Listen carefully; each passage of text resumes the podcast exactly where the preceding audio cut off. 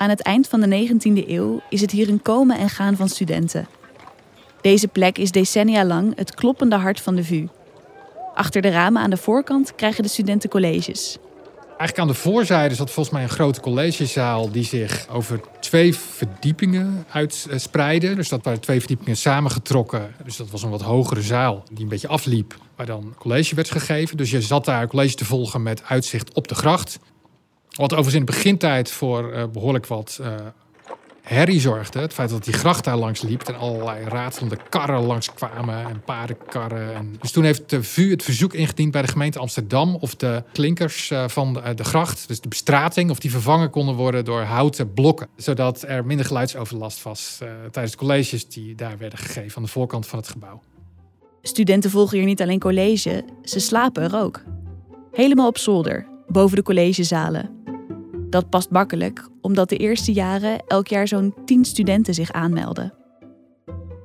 Een soort veilige omgeving waar studenten die veel uit de provincie kwamen, in de grote stad, dan uh, kost en inwoning kregen. Dus dat was behoorlijk gestructureerd hoor, dat, uh, dat interne leven in dat hospitium, zoals het heette. Er was ook een, uh, een directrice uh, die zorgde dat de jongens, het waren alleen maar jongens in die tijd natuurlijk, zich, zich een beetje gedroegen. Dus die zal ongetwijfeld ook hebben gezorgd dat ze op tijd een bed uitkwamen voor het college.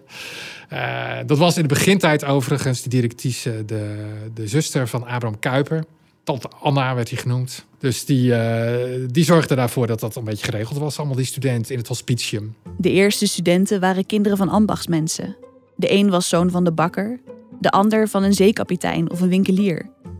Dat deed Abraham Kuyper met opzet hij is natuurlijk een emancipator van, van de gereformeerde aanhang, van die godsdienstige groep. Maar hij is natuurlijk ook een emancipator in de zin dat dat in de regel uh, kleine luiden waren. Hè, zoals hij ze zelf noemde. Kleine luiden, dus eenvoudigen. Zoons van lagere middenstand. Uh, van timmerlieden, van slagers, van schoolonderwijzers. Van, uh, dus eigenlijk een groep die normaal gesproken nauwelijks ging studeren. En die gaf hij natuurlijk hier de mogelijkheid. Ook Kuipers eigen zoon studeert hier. En de zoon van de bierbrouwer Willem Hovey. Het zijn allemaal jongens uit gezinnen die Kuiper steunen, die achter zijn plannen staan om Nederland weer terug te brengen naar het ware gereformeerde geloof.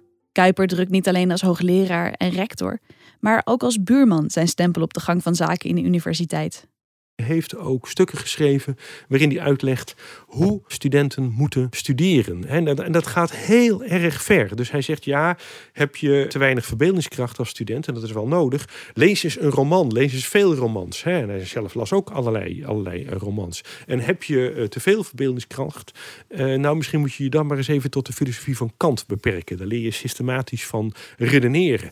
En hij legt vervolgens ook uit hoe ze een uittreksel moeten maken. Dus je deelt je papier uh, in de lengte in tweeën. Op de ene helft maak je je uittreksel en zet je je aantekeningen. En op de andere helft kun je dan tijdens het uh, doornemen van je excerpten... kun je je opmerkingen plaatsen. Plaats die met een blauw potlood. He, nou ja, dit zijn van een, van soort soort uh, voorschriften. Natuurlijk hartstikke mooi. Hij zegt daarin overigens ook dat als je zit te studeren de hele dag, dat het goed is om af en toe een luchtje te gaan scheppen. Dat was natuurlijk ook zijn eigen ervaring geweest.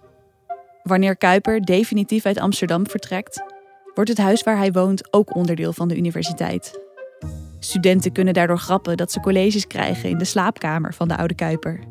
En terwijl de VU groeit, van 10 studenten naar 20 naar 30, kan de universiteit steeds meer panden kopen. Ze kopen nummer 166 en nummer 160, totdat het hele blok van de universiteit is. Met gangen en trappetjes zijn de gebouwen onderling aan elkaar verbonden. Dit was dus het hart van de Vrije Universiteit. Maar waarom het nou nodig is om een eigen vrije universiteit op te richten? Dat horen we op de volgende stop op deze route, bij de Nieuwe Kerk, waar Kuiper de VU opricht en een grote rel veroorzaakt. Loop rechtdoor en sla meteen linksaf, de Leliegracht op. Loop weer rechtdoor over de Oude Leliestraat, de Torensluis en de Torensteeg en tenslotte de Molsteeg. Je staat dan op de Nieuwezijds Voorburgwal waar je de nieuwe kerk al kunt zien. Loop naar de hoofdingang.